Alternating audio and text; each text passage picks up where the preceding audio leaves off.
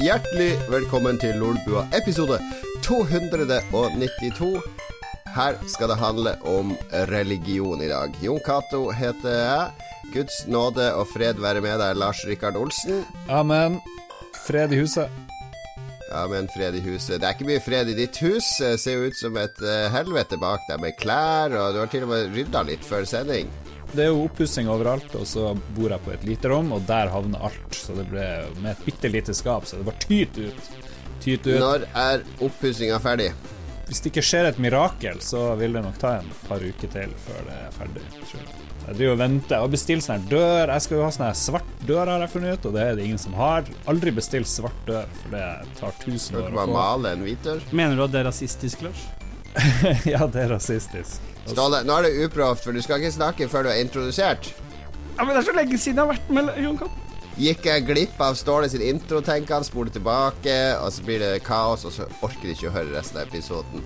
Så vi får da si at vi har med en tredje person i dag. Jeg skulle egentlig introdusere deg som IS-kvinnen, eh, men eh, du er vel heller IS-mannen, kanskje? Jeg er nok mest IS-kvinne, og jeg hadde tenkt at jeg skulle si inshallah også, så det var litt sånn eh, dårlig at jeg kom inn her. Men jeg blir altså så glad når jeg endelig får lov til å være med igjen, så jeg klarte ikke å holde meg, rett og slett. Jeg hørte rykter om at det var du som eh, transporterte IS-kvinnen fra Gardermoen til varetekt, er det sant? Det er helt riktig. Det er ingen som så meg, da, for jeg var under burkaen, men jeg var til stede under hele transporten. Jeg syns jo at de kunne sendt IS-bilen til å kjøre om. Oi, oi, oi. Den har du ligget og ruga på. Ja, det er jeg er forberedt på Forberedt. Jeg stiller forberedt i dag. Ja, men det er ikke gærent. Det var bra. Ja. Nei, men IS-kvinnen har kommet Vi fikk ikke tak i henne som gjest. Hun takka nei. Hun ville heller være med i Rad Crew, for det er jo radikaliseringscrewet. Eh, det er det du skal høre på hvis du har lyst til å, å tilverve deg ytterliggående gående meninger, har jeg hørt. De snakker jo praktisk talt eh, arabisk i Stavanger òg, så det er jo Ja, det er veldig Det er mye. De skarrer på r-ene, så det er jo bare Først kommer skarringa, så kommer selvmordsbombene. Altså, det er, det er som alkohol og narkotika, så det er, det er få steg unna. Velkommen til Lolbua, folkens. Velkommen til Lolbua. Vi er ikke fulle av fordommer. Vi eh, må snakke om hva som har skjedd siden sist, eh, som vanlig, før vi går inn på dagens tema. Og det er en litt spennende episode i dag, kan jeg jo tease allerede nå, fordi Lars har hatt besøk av et par mormonere, eh, altså disse som eh, Jesus Christ eh, Church of Latter-day Saints, eller hva de kaller seg. De tror jo at, eh, at eh, Jesus sine disipler apostler flytta til USA og etablerte noen store templer og sånne ting der. En veldig bra, veldig science fiction-aktig historie i den bibelen deres. Og vi får et lengre intervju med de senere om dataspill og andre ting. Ja, det er bare å glede seg.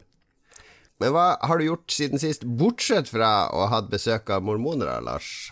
Jeg har ikke gjort så jævlig mye. Jeg har vært eh, flere runder og kjøpt lampe, hvis det er interessant. Det er jo Philips Hue, da, og det syns jeg er litt kult. Jeg, jeg, Ja. ja. Det er litt science fiction, apropos det, da. Men eh, faen heller, jeg kjenner jeg kjeder meg sjøl nå når jeg skal Men begynne å prate om lampe. Ja, Ståle har spørsmål. Men skal, altså, er det svart som er det nye temaet? For du snakka om en svart dør som ikke kommer, ikke bestille svarte ting. Og Er det litt sånn svart tema som er tanken her? Er det Det begynte med at uh, jeg har gjort et stort soverom om til to rom og en gang, kan du si. Uh, og den gangen ble liksom veldig hvit, så jeg tenkte jeg ok, jeg må ha noe svart.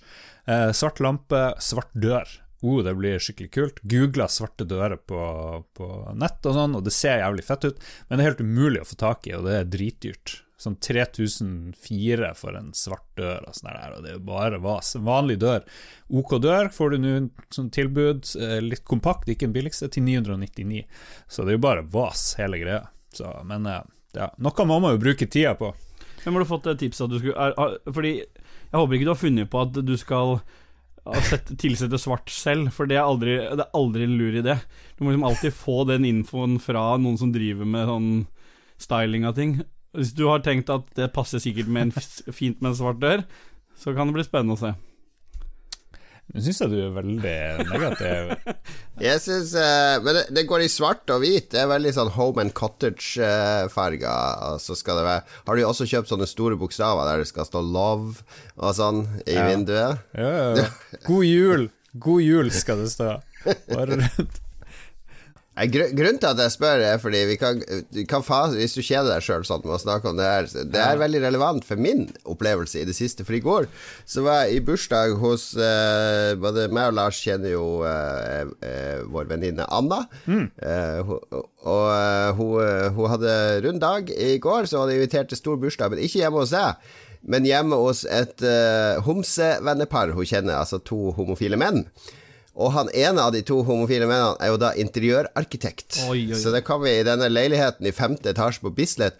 Og jeg har aldri sett en så fantastisk lekker og gjennomtenkt og, og velinnreda leilighet. Her var det mørkeblå vegger, altså sånn skikkelig mørk blå-grønn farge.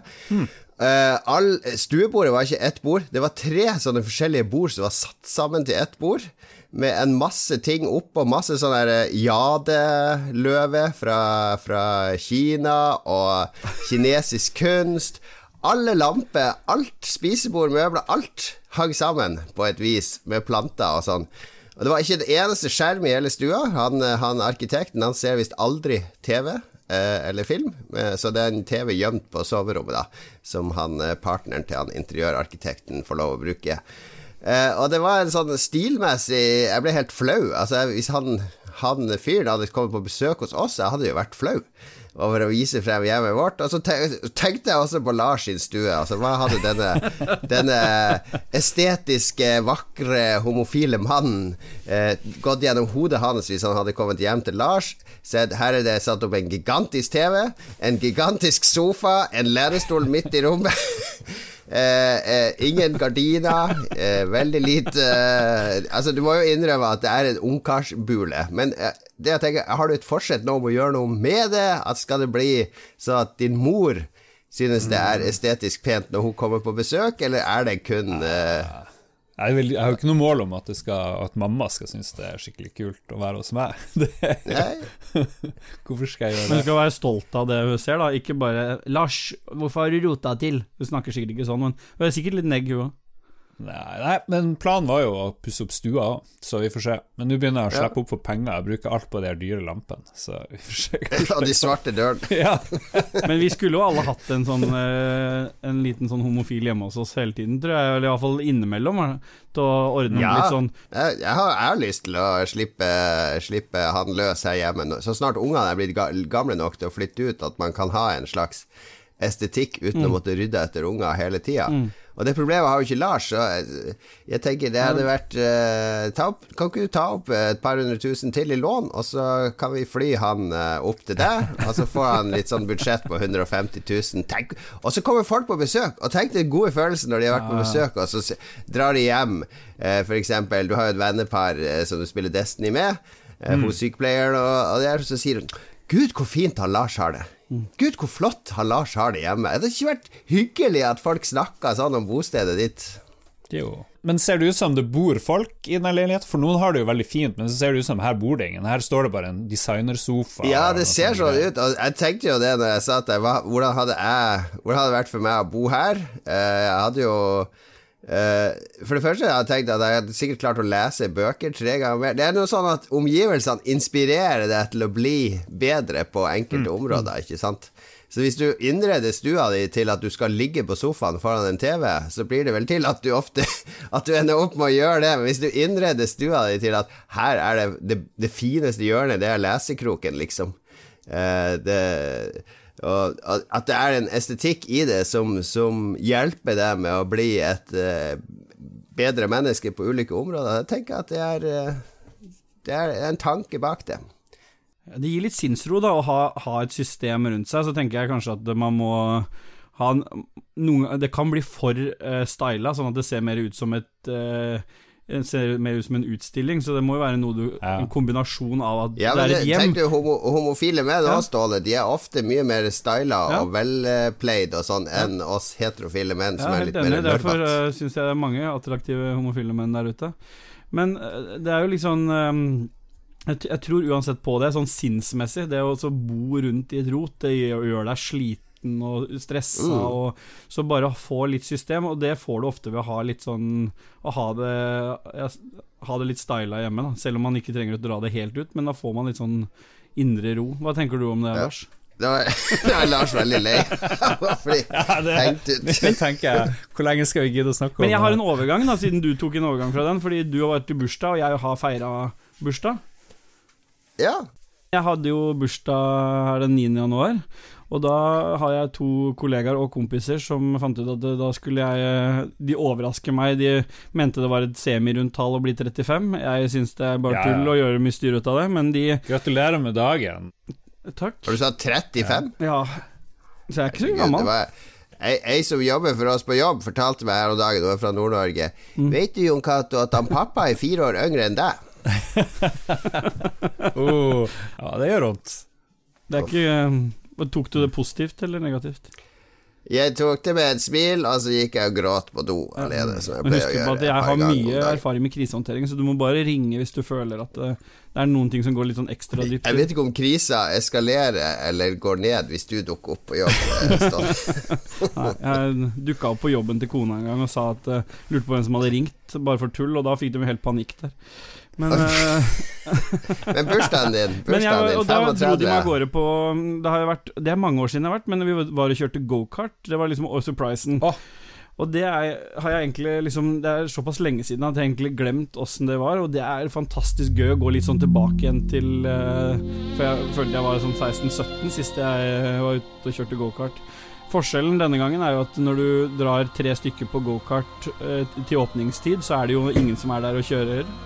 Men eh, når du gjør det sammen med to andre kollegaer som også kjører utrykning til vanlig, så blir tempoet og presset og det nivået som blir ladet på, det blir ganske høyt. Så det holdt på å gå gærent et par ganger, men nå der vi pusha, lå og pusha hverandre til det maksimale. Ingen som vil være dårligst til å kjøre. Så Men du har jo en stor bakdel på gokart ja, i forhold til noen som veier halvparten av det du er, Ja, jeg sa til han jeg, jeg måtte jo tre meg inn i den gokarten, og den er jo lagd for et sånt vektspenn og et sånt aldersspenn som er ganske stort. Så jeg, sier, liksom- så jeg sa tulla med han liksom og lurte på om den var liksom passa for 120 kilo. Ja, ja, det var ikke noe problem, liksom. Og jeg tredde meg ned i de der greiene. Så tenkte jeg ja, ja, nå kommer jeg aldri opp igjen, i hvert fall. For det var, så, det var som å kile seg inn i Så jeg måtte lurte, lurte om jeg trengte noe fett for å komme ut igjen, altså ikke kroppsfett. Men det gikk fint. Han, jeg spurte om det var øh, Om det var en ulempe å være tjukk, så sa han uh, Nei, ikke, ikke utelukkende, for du fikk bedre veigrep, sa han.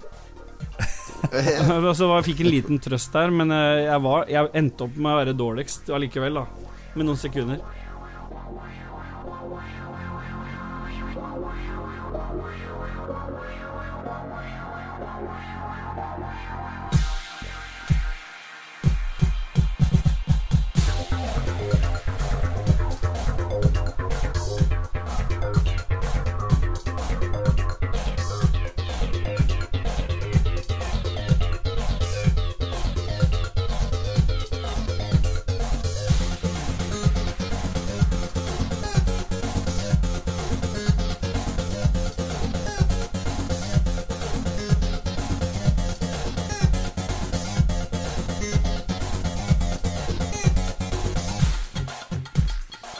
All religions make me sick, all religions make me wanna throw up, synger Dead Kennedys i en, eh, en av sine mange kjente låter. Og eh, religion i spill er jo et tema som kanskje ikke er så fremtredende i alle spill, og som ofte har blitt uh, sensurert eller endra eller uh, liksom lagt uh, i bakgrunnen. Det er ikke noe Det er ikke noe sånn tema vi er vant til å ta for oss i dataspill, Lars. Nei, men det ble jo litt aktuelt da jeg insisterte på å invitere noen mormoner igjen. Eh, fikk mye kritikk for det i forrige episode.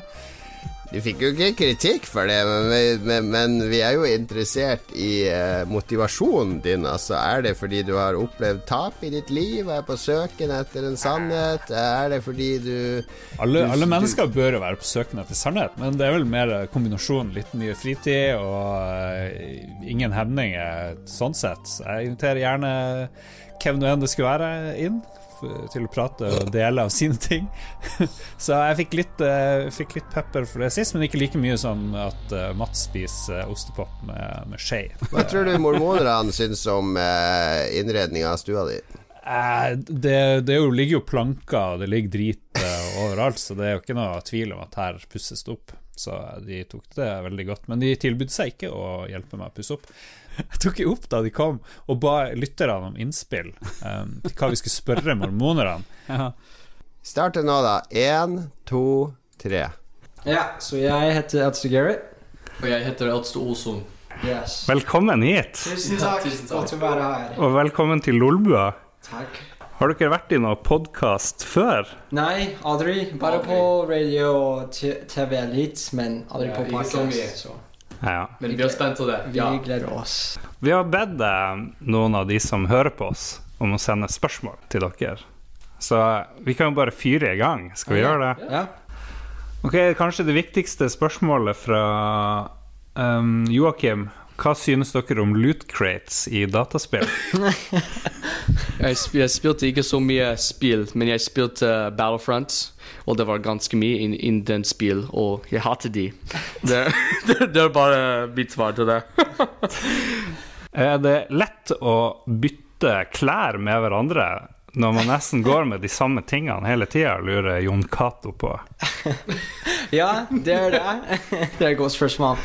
Nei, vi må bare bytte slips nesten hver dag, så ja. Ok, Samme Jon Cato, han lurer på Han har hørt at himmelen er delt i tre. Det her er nytt. Okay. Hvordan fungerer det? Ja. Så vi leser i første Korinterbrev, om det er kjent med Bibelen.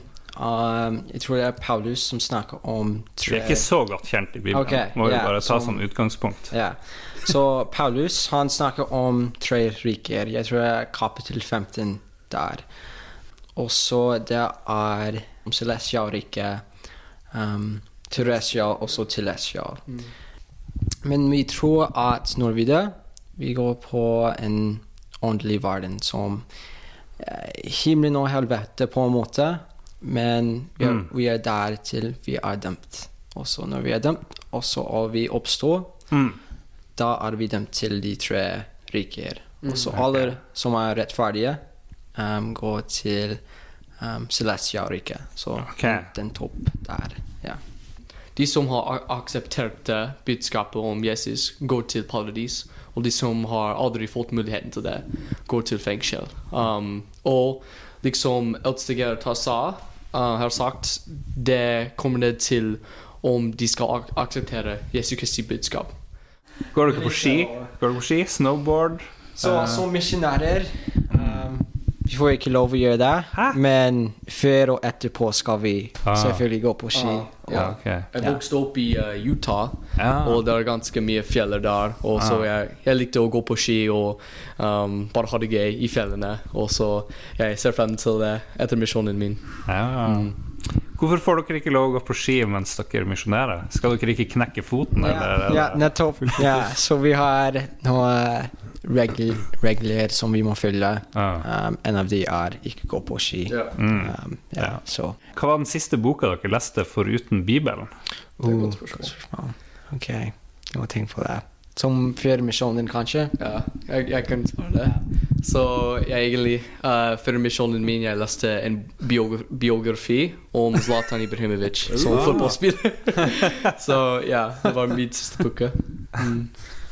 Um, oh, man. Zlatan skal til Roma? Nei, hvordan skal Han skal det? Ja, jeg vet ikke. Han, han har vært i USA i det siste. Så det var spennende for meg. Jeg har fått muligheten å se på ham, så det var fint. Hvordan er livet uten kaffe, te og alkohol? spør eh, Magnus Sandstad. Ja. Å være ærlig, det er fantastisk. vi sparer penger, vi Ja, vi må ikke. Ja. Ja. ja. Men, Men- ja, det er andre grunner. ja. Um, jeg tror den, den største velsignelsen er at vi sparer penger, og ja, vi får god helse også. Og så, ja, så vi, som vi har sagt tidligere, vi har, vi har fått noe begynner fra Gud som vi må følge, og være, være lydig, og um, være en del av kirken. Og en av de er en ting som heter visdomsordet. Og det er, nettopp hva du snakker om. Um, vi, kan, vi kan ikke drikke al- alkohol og uh, narkotika og alt som kommer, og, og drikke og ja. Ingen Men- snus. Ingen snus. Um, Jeg, slutt, jeg er tre dager uten snus nå. Hei, så bra! Det er Sniker Du får litt skryt av det. Så bra. Og så tok han ikke med, men dere kan ikke ha sex før ekteskap? Er det Ja. en greie? Ja, så en annen bud som visdomsåret, vi også følger en ting som heter kyskhetsloven. Um, så ja, en del av det er å ikke ha sex før ekteskap. Mm. Philip eh, Maurizio Flagstad lurer på hvordan forholder mormonerne seg til ulike etnisiteter? Så legger han til og hvorfor liker Gud den hvite mannen best? Jeg vet ikke hvordan å svare det. Um, På norsk. i hvert fall. ja. ja, på engelsk også, men Ja. uh, Hva vi tror på, er at Gud elsker all- alle oss perfekt. Ja. Og For alle hans barn. ja, Mm. Alle hvit og svarte og. Ja. Mm. Um, jeg vet ikke hvor, hvorfor han lagde oss som svarte og hvite og Ja, jeg vet ikke. Men jeg bare tror at Gud elsker alle oss perfekt, Mhm. så Mm. Og det, og ja, det står i skriftene at vi er lagt i hans bilde. Og selvfølgelig det, vi er alle mennesker her på jorden. Og ja, nettopp Mm. hva vi sa. Um, vi er hans kjære barn. Men vet vi om Gud er hvit eller svart, eller oh, det hva det nå er? vi, vet ikke. vi vet ikke. Ja. Jeg tror hvit, men Han tror hvit. En ting vi, uh, vi vet at er sant, er at han har en kropp. Uh, ja, men det er jo interessant at Gud har kropp. Det er jo Ja, ja, ja. Det lærte jeg av sist. mm. Og så, og så lærte jeg at uh, Hellig Ånd er også en mann. Og det går jo over til Philips andre spørsmål, da. Hvilken plass har kvinner for, i forhold til menn okay. eh, i deres det er kirke? Er det, hvor okay. likestilt er dere? Ja, så vi tror at kvinner har en stor rolle i, i kirken, også på jorden. For barn? De må um, ta vare på familie, familier, ta vare på uh, folk i kirken, også um, familier i kirken. Tøff lakk for damer som vil være, være profet, osv. Jon Cato lurer på Sier Bibelen noe om onani? Kan man havne i helvete av å onanere mye? Og i så fall Det hvor bra, mye? Jon Cato. Ja. Fins det noen er grenser? Ja, så um, onani. Vi snakker litt om kyskhetsloven, Ja. og vi tror at vi må følge alle budene for å gå i himmelen. Og hvis vi brekker et, et bud, må vi omvende oss. Og Men onani går inn under kyskhetsloven? Ja, så gjør det. Jesus Christ, unnskyld meg. Ja, så vi må prøve vårt best og yeah. unngå det. Men også kyskhetsloven yeah. handler om um, pornografi Vi kan ikke oh, se på pornografi. Og så um, tenk dårlig eller upassende tanker. Prøve vårt best. Lykke til. Ja. ja. Og så hvis vi, hvis vi Det er hvorfor vi har Jesus Kristus. Derfor vi har Jesus Kristus. Men vi, vi, Holy moly. vi tror at for å gå i himmelen må vi følge alle budene. Og hvis vi brekker en, et bud, kan vi ikke Mm. Eller vi må omvende oss. og- Jeg skal omvende meg mye i dag, skjønner jeg. Ok. Og det er ikke som Men det virker som det bare å omvende seg. Det er bare å kjøre på. Det er veldig vanlige ting, Mm. og veldig komfortable. Det er veldig vanlig synes ting. Å onanere? Um, Nei, omvende seg. Ja, sånn, ja, ja. det er, det bare Ja, det er bare å ta en runk, og så omvende seg etterpå. Så, det, Ja. det er ikke Så sånn sånn- sett kan du gjøre mye feil, da. Jeg, jeg, må, jeg må omvende meg fordi jeg gjør det dårlige ting, ikke, ikke sant? Det er, det er helt opp til din tro på Jesus, og Mm. um, om du har lyst å være med ham igjen i himmelen. Mm. Vegard Mudenia, jeg tror han er født i Narvik. Han lurer på hvilken by er best av Harstad og Narvik. Oi. Um, oi, jeg vet ikke. Let's go. Kan man drikke alkoholfritt øl? Spør Um, Hans GM. Uh, ja, som et par medlemmer av kjøkkenet gjør det her. Um, hvis det er alkoholfri. Men vi Mm. også tror at vi må oh, For å si det på norsk, men avoid the appearance of evil. Det er en stor ting også. Ah. Så du kan, men ja, bare forsiktig Ja, om det. Bare innviet. Ja. Mm. Ja, jeg skjønner. Trond Sinfor Borgersen spør hva syns dere om spill som Diablo, World of Warcraft, skytespill osv.? Jeg vet ikke. Kanskje han spør er det noe dere liker, er det noe spill dere liker? Noe dere liker? Ja. Ja, det er kjempegøy å, å spille de. Um, Vi kan ikke som misjonærer spille de, fordi vi må fokusere på arbeidet og hva vi må gjøre. Men Ikke mobilspill heller?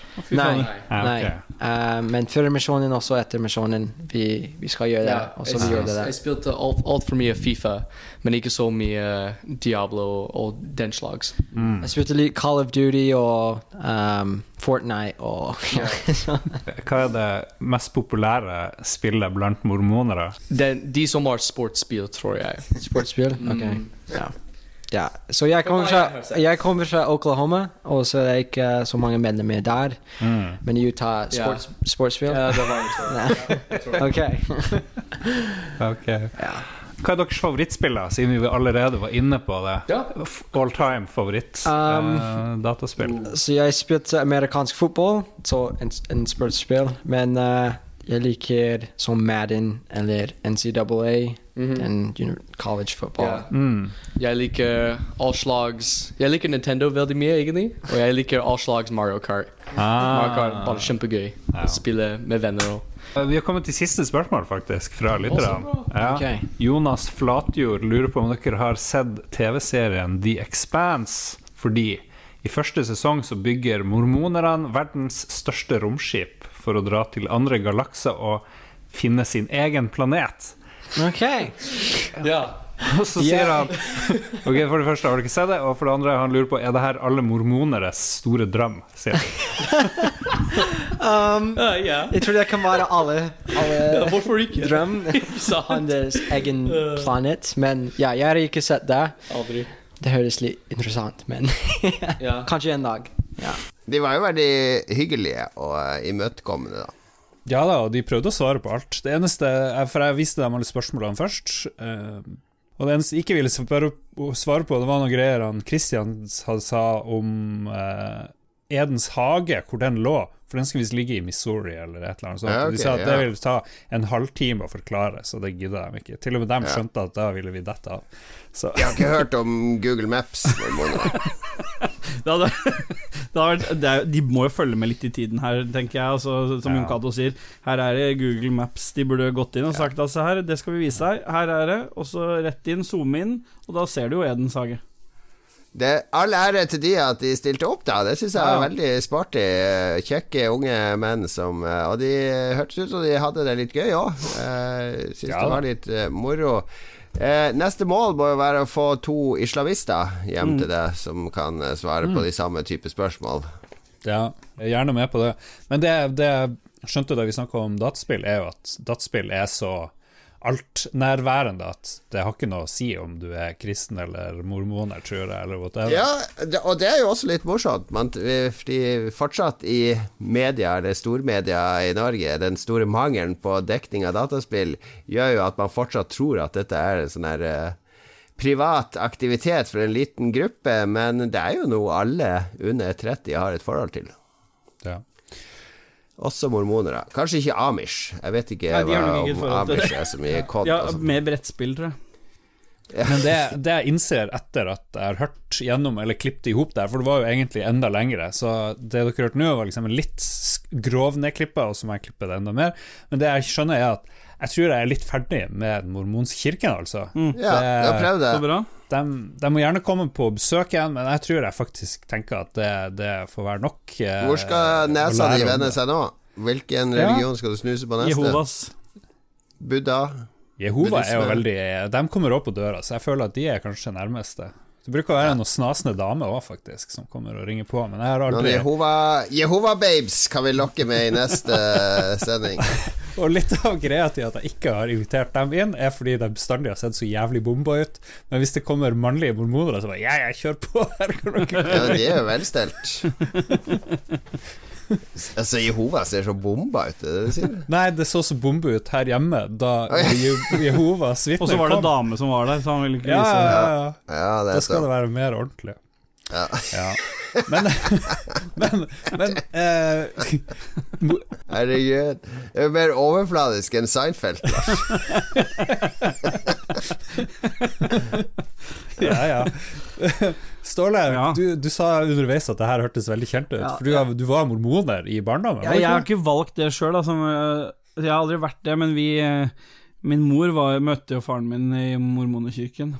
Så de første Mm. par åra sikkert, så var jo en del av det. Så jeg har vært i, både vært på gudstjeneste i mormonekirken og Men jeg har aldri blitt Har du hatt en sånn der eh, svart dress og hvit skjorte og hele den pakka der? Nei, det har jeg ikke hatt. Men uh, de har vært veldig keen på å døpe meg, så derfor kjentes det litt sånn eh, hørtes veldig kjent ut, det der eh, med fengselgreiene. For det er de veldig opptatt av å fortelle deg, hvis du først er innafor og ikke har barn som er døpt der.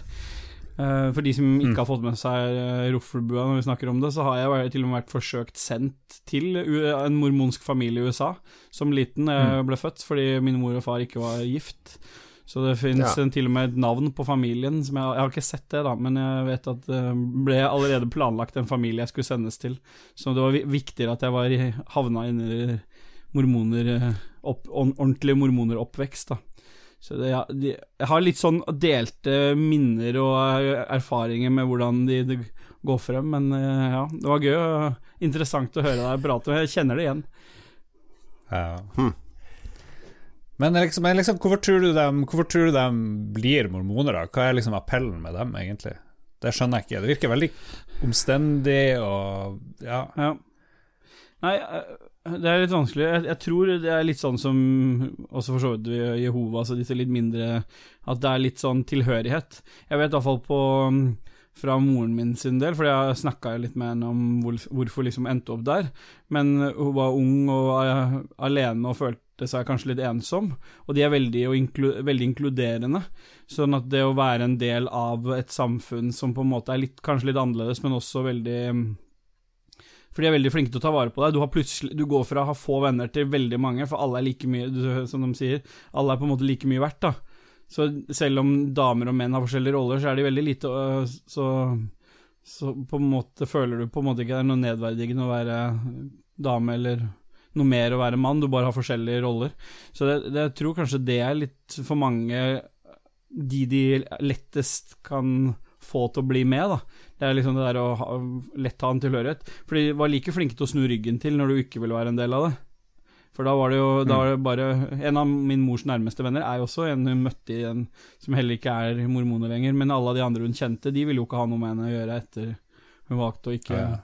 Så de kan være litt Du har plutselig Du går fra å ha veldig mange til å ha veldig få, da. Og så sa du at når mormonerfolkene var på besøk hos dere, så spilte dere Street Fighter. Mm. Ja, jo. For jeg hadde jo en gammel Snes med, eller Det var jo en ny Snes den gangen, da. Men øh, Og da Det var kanskje det jeg likte best når de kom, fordi at øh, Mamma slapp de jo inn, så måtte du sitte og høre på det. Jeg var ikke så veldig interessert i det der øh, det, det der med øh, alt fra Edens hage til hvor det ligger Jeg hadde ikke de samme spørsmålene som deg. Så han, de går jo alltid to sammen, så da var det en som Som regel så roterte de på å spille Street Fighter med meg, så da hadde de tydeligvis litt uh, mildere regler, for da han fikk lov til å spille Street Fighter med meg. Men det var sikkert fordi det var i misjonærs øyemed, ikke sexstillingen, altså, men um Ja, det, det, det skulle du spurt om, Ja. Lars. At, uh, si at du vurderer å bli mormoner, men at hvis en av de blir med deg på skitur og snakker litt, så, så kanskje du blir det. Jeg tror du hadde Ja. da fått dispensasjon for å gå på ski. Så god idé. Mm. Ja. Ja. For Man syns jo litt synd på dem. De kan ikke runke, og de kan ikke tenke på sex, og det er jo mye litt sånn ulolbuask oppførsel. De kan det, bare de ikke deler det med andre. Tube Galore på TV-en der, mens Oi, oi, oi, hva er det som skjer her nå? Ja, det jeg angrer mest på i intervjuet, var at jeg ikke tok opp Kurt Russell da de snakka om han Ja. profeten som Han heter Russell. Russel, ja. Ja, ja, ja, ja. ja. Ja ja, ok, ferdig med det. Ferdig med det.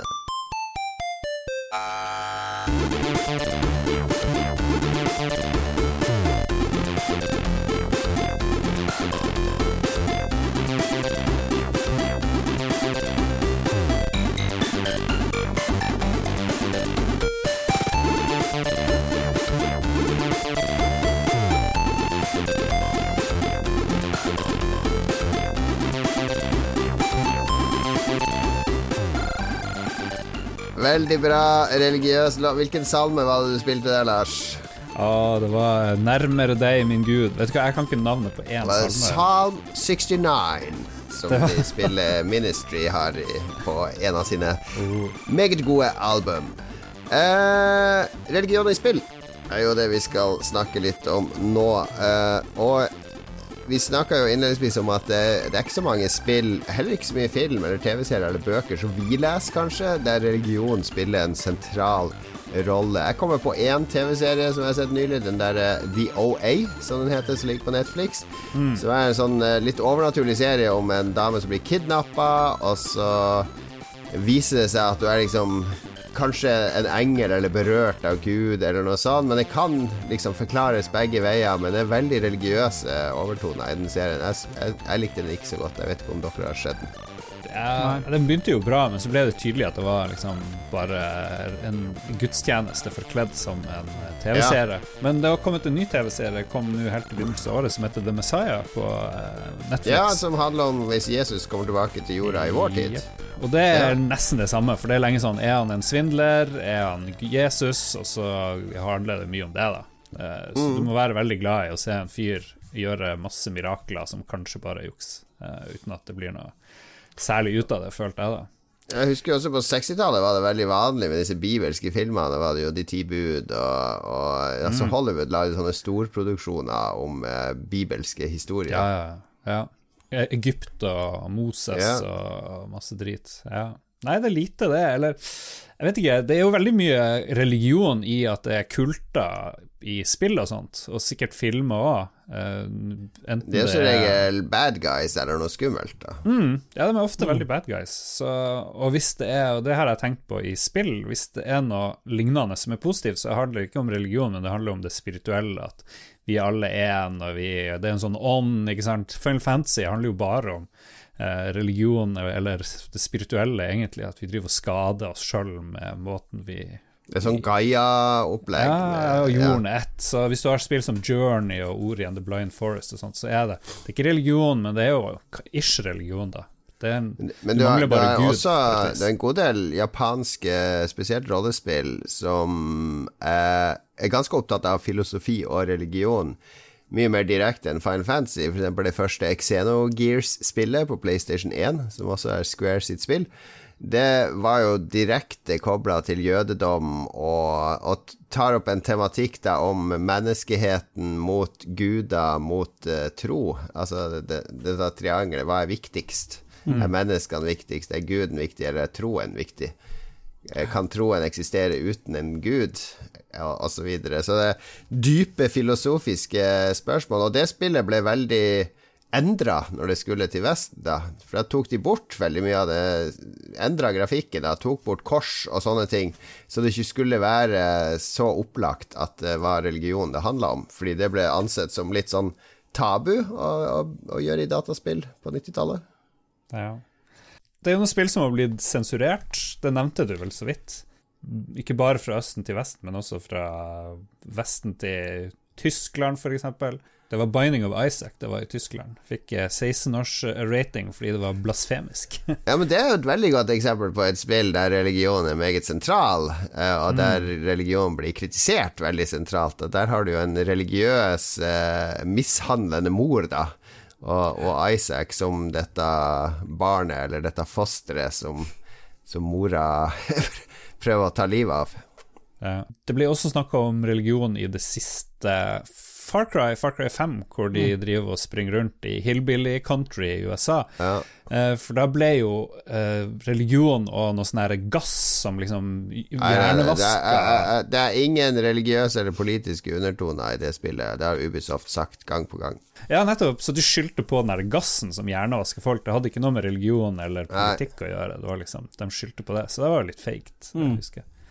Men har nå Skal vi keep your politics out of our games? Skal vi også keep your religion out of our games? Eh, er det det nye slagordet til Lolbua? Eller omfavner vi religion i spill? Kjør på, kjør ah, ja. på med religion i spill. Ja da. Kjør på. Aksel Bjerke har kommet med innspill til dagens sending. Han peker på Fallout 3 og The Church of Atom, hvor uh, du ganske tidlig får vel møte noen folk som tilber en uh, atombombe som bare ligger og lurer i den der første byen du kommer til. Ja, det stemmer, det. Stemmer.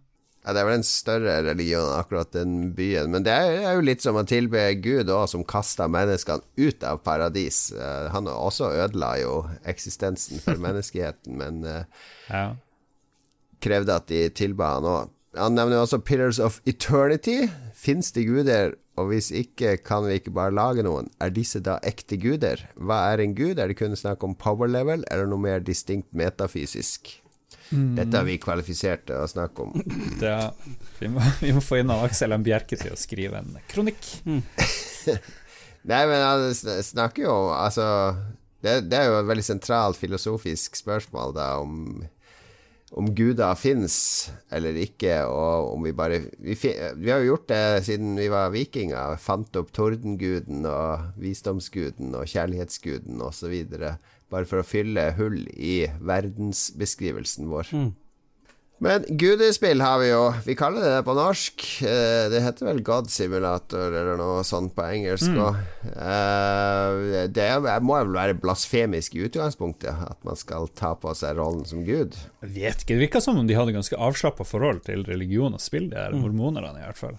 Så det er sikkert noen som er verre enn andre, da, tipper jeg. Men Er det gjort en, eh, en doktorgradsavhandling på hvilke spill som er mest eh, populære i de forskjellige religionene? F.eks. buddhismen, eh, Jehovas vitner, mormonerne, eh, muslimer Jehovas tror jeg ikke man- spiller noe. Det er min Nei, det spådom.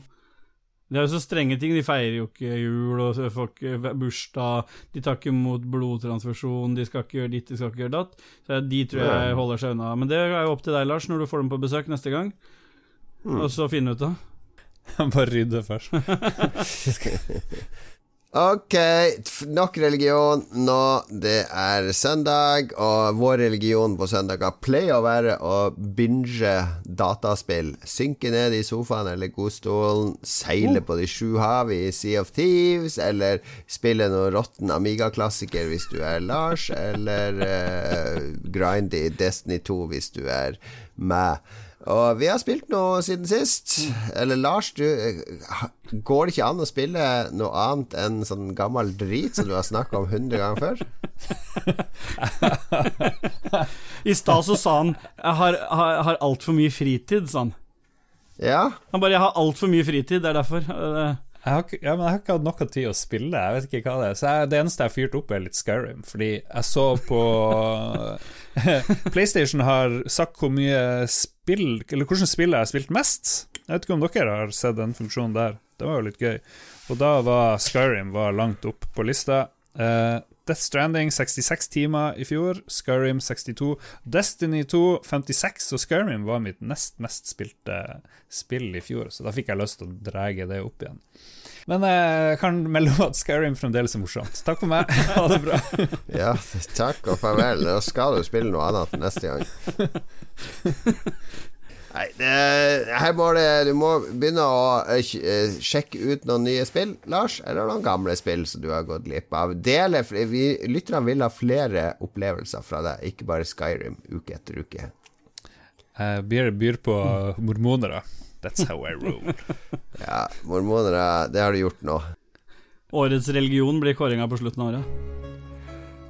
Ja, jeg har eh, Jeg har spilt eh, to spill jeg kan dele, så jeg kan kompensere litt for at Lars har så lite å by på. Ja. Jeg har spilt to spill. Det ene er på Epic Game Store nå. eh, sikkert noen dager til. Så kan du laste ned gratis et spill fra i fjor som heter Horace. Uh, og det er et britisk uh, litt sånn retro-plattformspill. Mye story og cutscenes og sånne ting, uh, som er laga som en tribute til 80-tallet og spill og eh, dataspill og popkultur fra 80-tallet. Spesielt forankra i det britiske, da.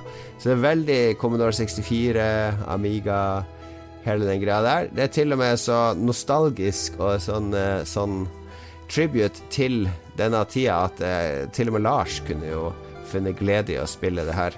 Det føles som et gammelt spill som hyller alle de gamle spillene som du likte fra denne tida. Eh, så Horace heter det. Det er jo gratis, så det er jo bare å gå inn på Epic Games Store og laste ned. Og det er ganske tight kontroll og litt sånn humoristisk laga, litt glimt i øyet. Litt mye sånne cutscenes før det, i hvert fall nå jeg har bare spilt eh, 45 minutter, så det kan hende at det blir mer eh, mer eh, spilling etter hvert. Men eh, det er kult laga. Absolutt verdt å sjekke ut. Og jeg liker jo veldig godt denne epoken, så jeg catcher jo mange av referansene.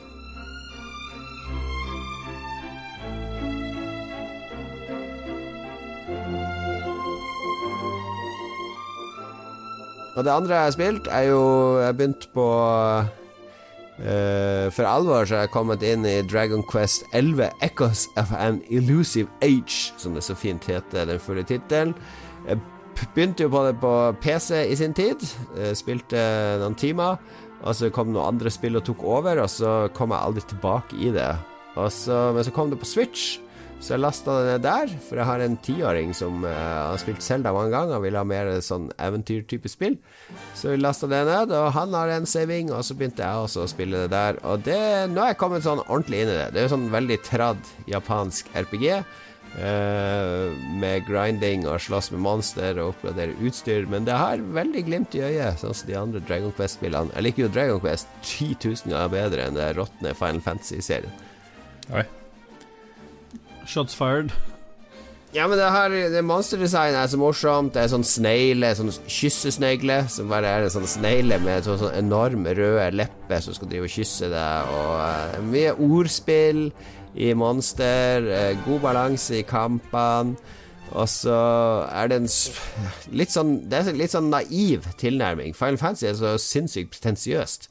Det, sånn det tar seg sjøl så alvorlig, mens Dragon Quest er mer lettbeint og skjønner at det er et dataspill. Så jeg liker det veldig godt. Men Switch-versjonen er vel den uh, versjonen der de har oppgradert musikken nå, er det ikke sånn? At det er der det er orkester. Ja, du kan velge mellom sånn symfoniorkester eller syntmusikk. Du kan spille i 2D, kan du velge, uh, i stedet for 3D.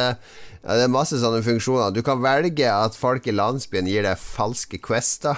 altså hint om ting som ikke eksisterer. Alt mulig sånne morsomme ting du kan aktivere der.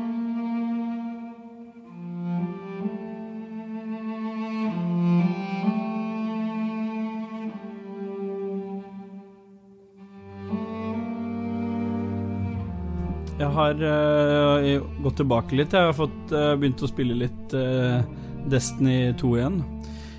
Ikke i den heroinutstrakte ånd som tidligere, så jeg, ikke liksom, jeg klarer ikke helt å bli bitt igjen, men jeg, jeg, tar det opp fordi jeg fikk jo Stadia til jul. Ikke, kjønnssyk, ja. ikke kjønnssykdommen, men, men God jul. Ja, god jul. Det er så lenge siden jeg har vært med. Ja, før jul så var vi jo hjemme hos for å ta ned. Altså, var jo på dette julebordet hos uh, Jon Cato. Og der fikk ja. jeg for, for første gang teste Stadia. Jeg har vært, egentlig vært ganske negativ til hele, hele, systemet, spesielt med tanke på hvordan de har løst det med betaling av enkeltspill osv. Men uh, teknologimessig sett så er det jo ganske, ganske kult. Og når jeg fikk teste det hos deg, Jon Cato, så um, ble jeg litt sånn da snudde litt det der uh, inntrykket mitt av hele, av hele systemet. Så da ønska jeg meg det brått etter jeg hadde vært hos deg, så ønska jeg meg det av kona. Jeg fikk det av kona, og nå har jeg blitt Det er liksom den foretrukne plattformen å spille Destiny på. Ikke bare fordi at det, der får du fullversjonen, men fordi jeg, jo, jeg som ikke har spillet på PC, jeg har jo aldri sett Destiny kjøre så smooth som på Stadia. For der kjører de jo strengt talt i 60 FPS og 4K, selv om noen hevder at det er litt oppskalert. Men det er det første gang jeg har forstått det der av de som sier at de har spilt Destiny på PC og ikke kan gå tilbake til konsoll, for det er, det er altså så stor forskjell på hvor, hvordan spillet flyter, og ikke minst lastetider. Så bare det at uh, du har tilgang på mye kraftigere maskinvare via streaming, er jo helt fantastisk. Er, spillet er jo starta før du rekker å hente deg kaffe, i motsetning til på konsollversjonene. Hos meg så har det funka helt uh, Altså, jeg er superoverraska over hvor godt det har fungert. Jeg har uh, ikke kabla min, så den kjører via et trådløst nett, og det er ganske langt unna. Sitter i andre etasje, mens jeg, selve Chromecasten er i første. Uh, sjelden problemet med at late, at det er noe særlig latency på det, fra det jeg trykker til det som skjer på skjermen. Så jeg var litt sånn hypa for um, Hypa for Cyberpunk også, fordi jeg tenkte det var, det var et spill jeg skulle ha på Stadia. For det, da får jeg jo en mye bedre versjon, sannsynligvis. Men uh, nå er jo det utsatt, så da får vi se hva det blir, hva det neste spillet er. Men uh, enn så lenge så har jeg ikke brukt noen penger på å kjøpe noen spill. Jeg har bare testa de som du får med. Du får med noen Farming Simulator, og du får litt sånn forskjellig ja. um, til å teste ut. Mm. Jeg er litt sjokkert over at du har gjort Destiny 2 på Stadia til din hoved-Destiny-konto. At alt annet er bare sånn tull for det. Men det er klart, det er jo bare Det er jo nesten ikke spillere på stadia, da. Det er problemet. Så Nei, det, det er et problem. Jeg, ikke, jeg prøvde på Stadia her om dagen, det var jo ingen å spille Crucible med. Nei, Crucible da- er vanskelig å kjøre på stadia, men Strike går ganske fint, egentlig. Jeg tror jeg så de siste tallene jeg så, så er det 0,7% av alle Destiny 2-spillerne spiller på stadia. Ja. ja, så det Men, men det er en oppgradering fra standard PlayStation og Xbox, helt klart. Men Lars, når Skyrim kommer på Stadia, da blir det Stadia på deg òg. Ja, selvfølgelig. Jeg spiller jo bare Jeg spiller jo bare Skyrim, så det Ja. All right, eh, men en eh, positiv eh, anbefaling av Stadia der fra Ståle. Og jeg har prøvd det, jeg òg, men nå har jo jeg en spill-PC, så det er liksom Det er ikke så mye å hente for meg å spille på Stadia i forhold til å sette meg to etasjer vekk fra familien i fred og ro, i stedet for å sitte midt i stua og spille Stadia. Men jeg vil bare, bare legge til det er, det er en veldig lav inn, innkjøpssum å komme seg inn i Stadia-universet. Det er det som kanskje er det mest uh, gjør det mest attraktivt. Fordi at det er jo Hvis du kjøper en pakke med en kontroller og en Chromecast, så ligger den på 1300 kroner. Og da får du tre måneder med sånn pro. Men du må også betale i måneden etter tre måneder. Ja, altså. det må du. Så da, men det å liksom komme seg inn der og teste det ut, det tror jeg veldig mange Ja. har råd til å prøve. I hvert fall hvis du er glad i teknologi og, og spillnyheter og generelt, så er det jo kult å teste ut.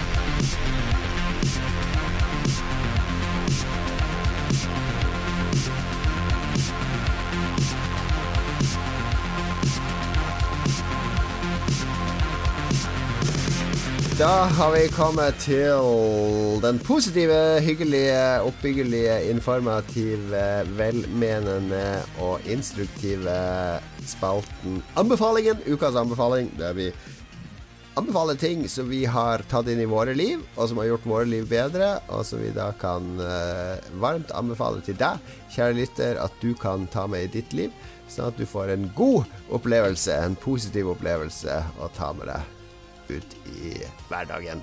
Og Ståle, siden du prata så mye rett før musikken, så kan du jo fortsette å prate. Nå er talerøret i gang. Nå er tunga varm. Ja, jeg har jo Kan du si sånt, eh, Ståle? Jeg har jo fått sett en ny eh, Faen, Siri-greia skal blande seg inn her. Jeg vil gjerne anbefale en uh, Dplay TV Norge-serien 'Mannen som falt'. Eh, fordi Er det sånn bananskall Var det bananskall, eller var det Ja, det er basert på den der Torbjørn Egner-sangen om han den uheldige mannen. Så de har lagd en seks eh, episoders eller åtte episoders um... Fra spøk til alvor, dette er jo en alvorlig Ja. historie Ja, fra norsk eh, nær fortid. Og i hvert fall for meg som bor i Hurum.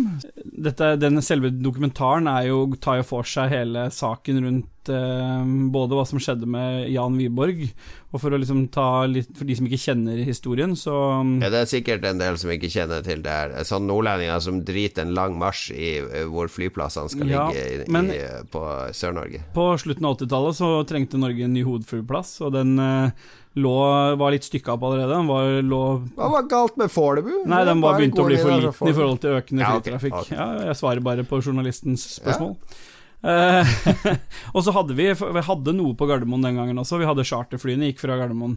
Men i prosessen med å finne en ny hovedflyplass, så sto det mellom uh, Hurum, og så sto det mellom uh, Gardermoen. Og i, i, i første omgang så vant jo Hurum eh, avstemninga i Stortinget. Det var, ble fatta med flertall at uh, nye hovedflyplassen skulle ligge på Hurum. Uh, Hvor er det, hvor er det Hurum? det ligger i Buskerud, så hvis du kjører utover mot uh, Du var jo der sjøl, jo. Ja, du, der du bor, stå, stå der, ikke det? det Sør-vest Sør-vest for Oslo. Mm. Så mm, Så da var det med da, Du var jo der i flere, vi var jo der i flere timer, Lars. Husker du ikke? Vi venta på Ståle, og for at du ikke kom inn. Jeg har Sletta det stedet fra hodet mitt. Det er borte. Jon Cato sa til meg at jeg var kasta ut av Lulba i frustrasjonen av å vente ja. Nei, så Så Hurum vant avstemninga. Altså, Jubel og, og, og alle innbyggerne jubla. Endelig, vi får ja, hovedflyplass. Det var vel litt delte meninger her ute sånn. om Det er jo ikke sånn at folk alle vil ha en hovedflyplass liggende til Alle vil fly, men ingen vil, eh, vil ha flyplass. Nei. Så, så eh, masse, den tar for seg både den eh, hva som skjedde politisk der, men i etterspillet av at så skjedde det litt sånn politisk som gjorde at det ble en ny avstemning, der hvor Gardermoen eh, vant fordi det viste seg at Hurum angivelig var mye dårligere eh, anlagt til å være hovedflyplass, bl.a. pga. for mye tåke. Ironisk nok eh, for Gardermoen, da. Da ble det leid inn, ble Jan Wiborg leid inn av de forkjemperne for Hurum, for å se på de tallene som hadde vist til høye tåke Eller at det var mye tåke i Hurum. Og det er liksom litt av det den dokumentaren for, tar for seg. Både den, det politiske spillet først, men også den historien som utspiller seg etterpå med Jan Wiborg. For han avdekka jo Da avdekka Jan Wiborg en del ting som hadde med, med Som viste til at det har mulig å ha vært juksa med de tallene for Hurum før Jan Wiborg skal presentere for Stortinget hva han har funnet ut, hvor mye, som har, hvor mye juks som har foregått, så skal, drar han en tur til København, hvorpå han detter ut av et vindu angivelig og dør. Og her begynner For konspirasjonen flyet ut av et flyvindu på vei til København? Nei, i København på hotellet. Jeg prøver, Ja, okay, ja. jeg prøver bare å være Ah. summere opp. uh, og, der, det har i mange år eh, vært en del konspirasjonsteorier rundt hvorfor, om han ble drept, eller om han tok livet av seg selv, og det er masse um, Det er jo ikke veldig vanlig å falle ut av et vindu, med mindre du er Så hvis ikke han uh, hoppa ut sjøl, da, eller hva som har skjedd. Så det, det den dokumentaren eller den serien tar for seg, er på en måte alt som har med det politiske spillet før, litt historie om Jan Wiborg, og så veldig mye rundt det som skjer i København, både i forhold til politietterforskningen eller manglende politietterforskning osv. Det er en veldig kult, veldig forseggjort eh, dokumentar. Det går veldig i dybden, så den ligger både på Dplay og går nå på TV Norge, så bare som å legge inn et lite tips i tillegg, det er 14 dagers gratis eh, Dplay for å registrere seg nå, så da får du sett det meste der uten å betale så mye for det også. All right. Mm. To gode tips. Men er, du, men er du overbevist om at han er drept, han der eh, Altså, jeg, Wiborg-fyren? jeg er jo litt sånn glad i konspirasjonsteorier og sånn, så jeg Ikke det at jeg syns det er det at jeg tror på dem, men, eh, men jeg syns det er spennende å lese om eller høre om. Så ja, jeg, jeg tror på en, noe har skjedd, men om det er liksom Om det er selvmord, det tror jeg ikke, men jeg tror det er noe som har skjedd. Ok, nå begynner jo katta å bli veldig le her. Han har vist flere bamser og en Vi har holdt på i to timer. Ja, det er de her har varte jo en Ja, ja. halvtime, må du huske. Ja, Ja, det var det som tok livet av det. Jesus Christ. Jeg har en tegneserie jeg fikk fra min bror. Uh, ser sånn ut. Uh, der har dere Batman, og han ser veldig gal ut. Det er fordi han er gal. Uh, the Batman Who Laughs. Og det er From the Pages of Dark Nights Metal, som er sånn multivers eh, underbruk av DC, hvor de har sånne flere universer. Og her kommer det en eh, joker fra et annet univers inn i våres og fucker opp med Batman. Han er Batman, men han er en slags krysning av Batman og jokeren. Ekstra og joker. hva er ekstra joker, og hva er mer farlig enn det? Så, så, det blir ganske mørkt. Det blir utrolig voldelig, men det er ganske gøy, fordi jeg er litt sånn lei vanlig Batman og driver og fer rundt og styrer på. Og så er det tydelig at uh, kanskje DC Comics òg begynner å bli litt sånn føler at nå må vi gjøre noe veldig rare greier, for nå driver Batman og går rundt og og blør fra alle kroppsåpninger og slakter for foter sånn der, i den her uh, serien. Men jeg liker, liker litt tegneserier, og det broderen fyller det tomrommet. Han fyller mitt hull, mitt tegneseriehull. Og da syns jeg det her uh, The Batman Who Laughs var helt magisk uh, kult. Veldig kult tegna. Er Scott Snyder og en eller annen som heter Jock. Han har bare ett navn. Jock. Scott Snyder og Jock. Jock. Fått masse gode eh, reviews overalt. Ja, jeg husker i gamle dager at du Husker du sa en gang noe som jeg husker, jeg husker nesten alt som alle sier noen gang. Det blir fokus på at du husker. ja, jeg, jeg, ble kalt for Gestapo i ungdomstida mi fordi at uh, uansett hva folk gjorde av dumme ting, så husker jeg det sånn ti år mm. etter. Så jeg liksom førte logg over alle sine tabber og ting, så jeg kunne henge de ut. Det er jo ikke plagsomt i det hele tatt. Men jeg husker du sa en gang ja. at uh, du likte å lese tegneserier, men du nekta å kjøpe de. Eh, fordi det ble for dyrt i henhold til hvor fort det gikk å lese en sånn tegneseriebok. Altså Du betalte 149 på Outland for en sånn tegneseriebok som samler noen serier, og så leser du det på under en time.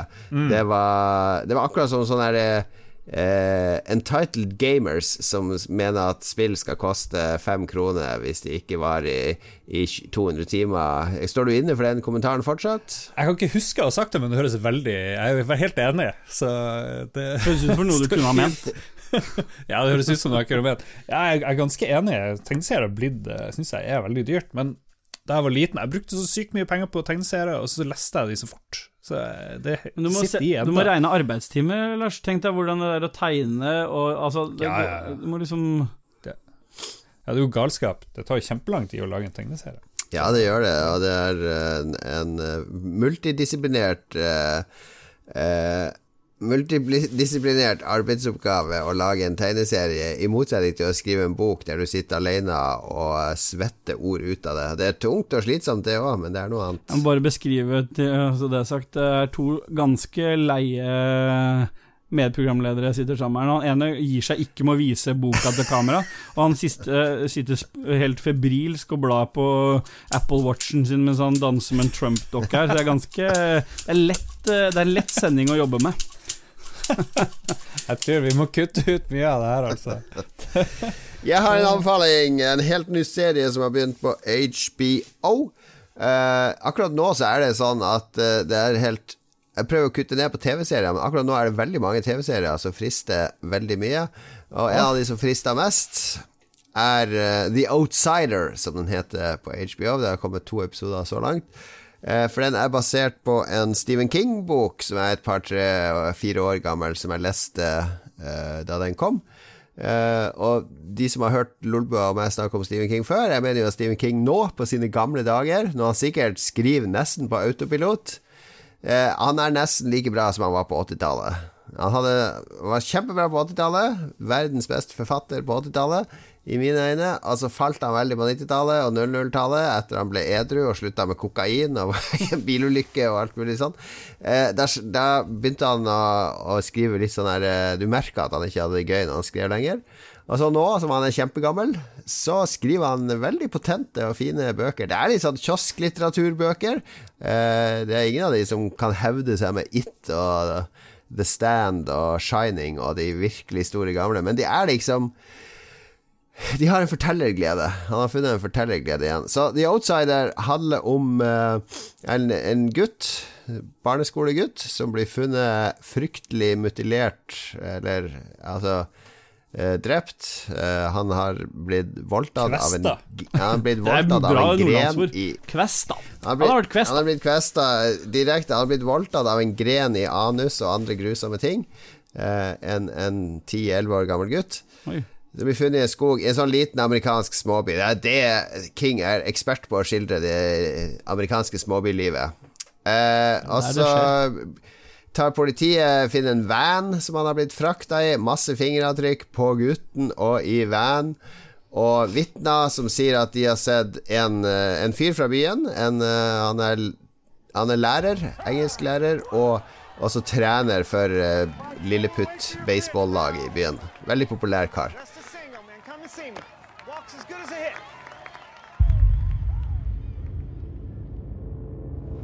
Terrence Maitland, I'm arresting you for the murder of Frankie Peterson. For the what?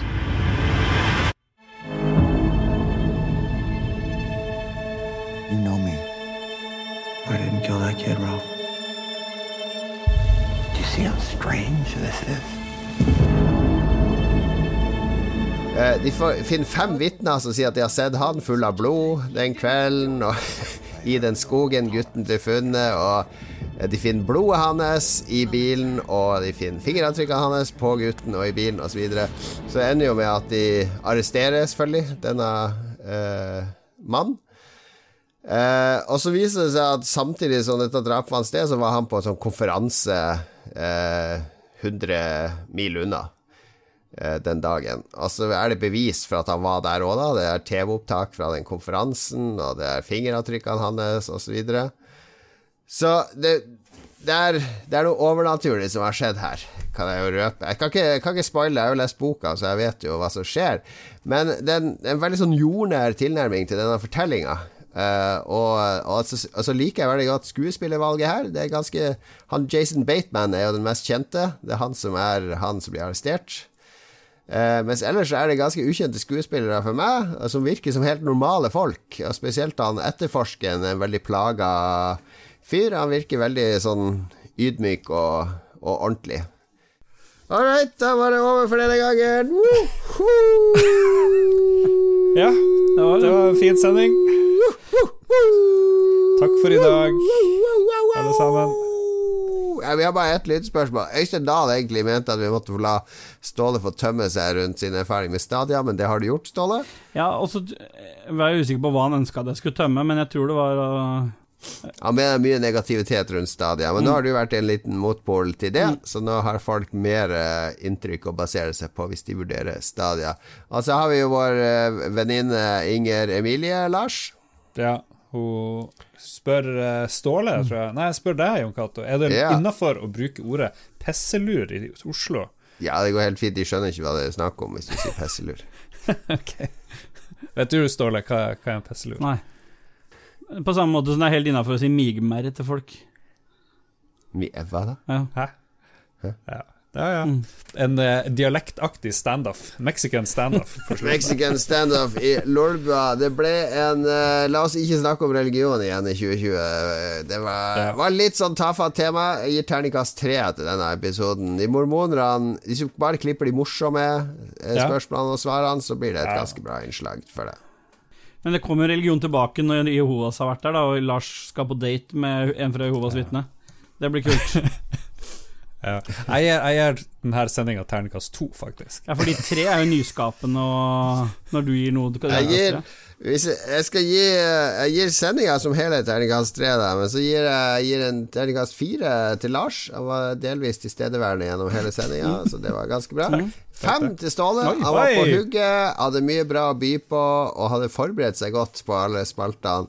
Og en toer til meg. Jeg spiste alt med pizza rett før sendinga og drev og rydda i skuff og skap mens vi hørte på mormonerne. altså. Så jeg tar selvkritikk. Det var jeg som ødela ja, denne sendinga. Ja, Ja. Ok, takk til våre produsenter som støtter dette makkverket. Ja.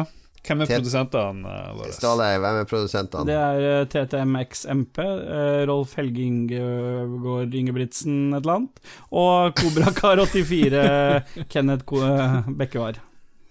Ja, nice. Og takk til deg som hører på. Du kan støtte oss på lolbua.no, eller du kan høre på Patreon.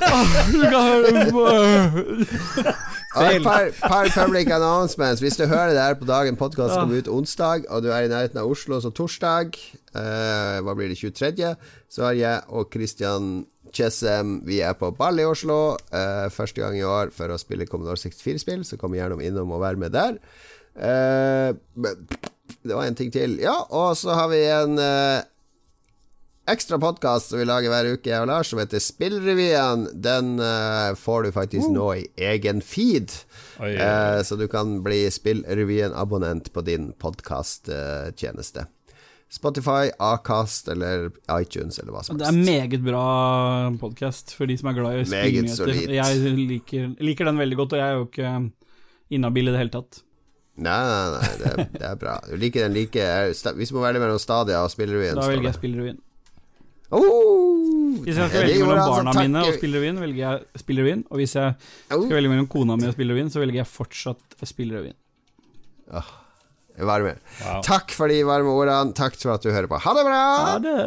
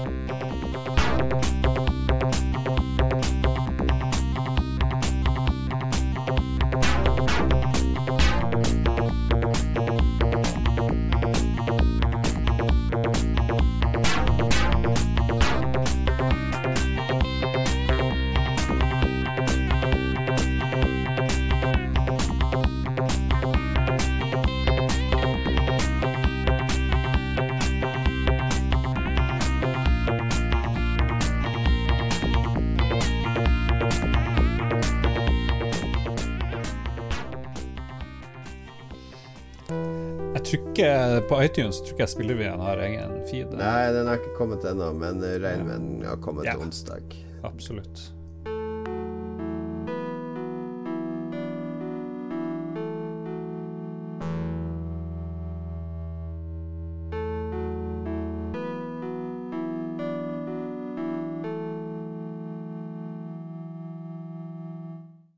Har du et enkeltpersonforetak eller en liten bedrift? Da er du sikkert lei av å høre meg snakke om hvor enkelt det er med kvitteringer og bilag i fiken, så vi eh, gir oss her, vi. Fordi vi liker enkelt. Fiken superenkelt regnskap.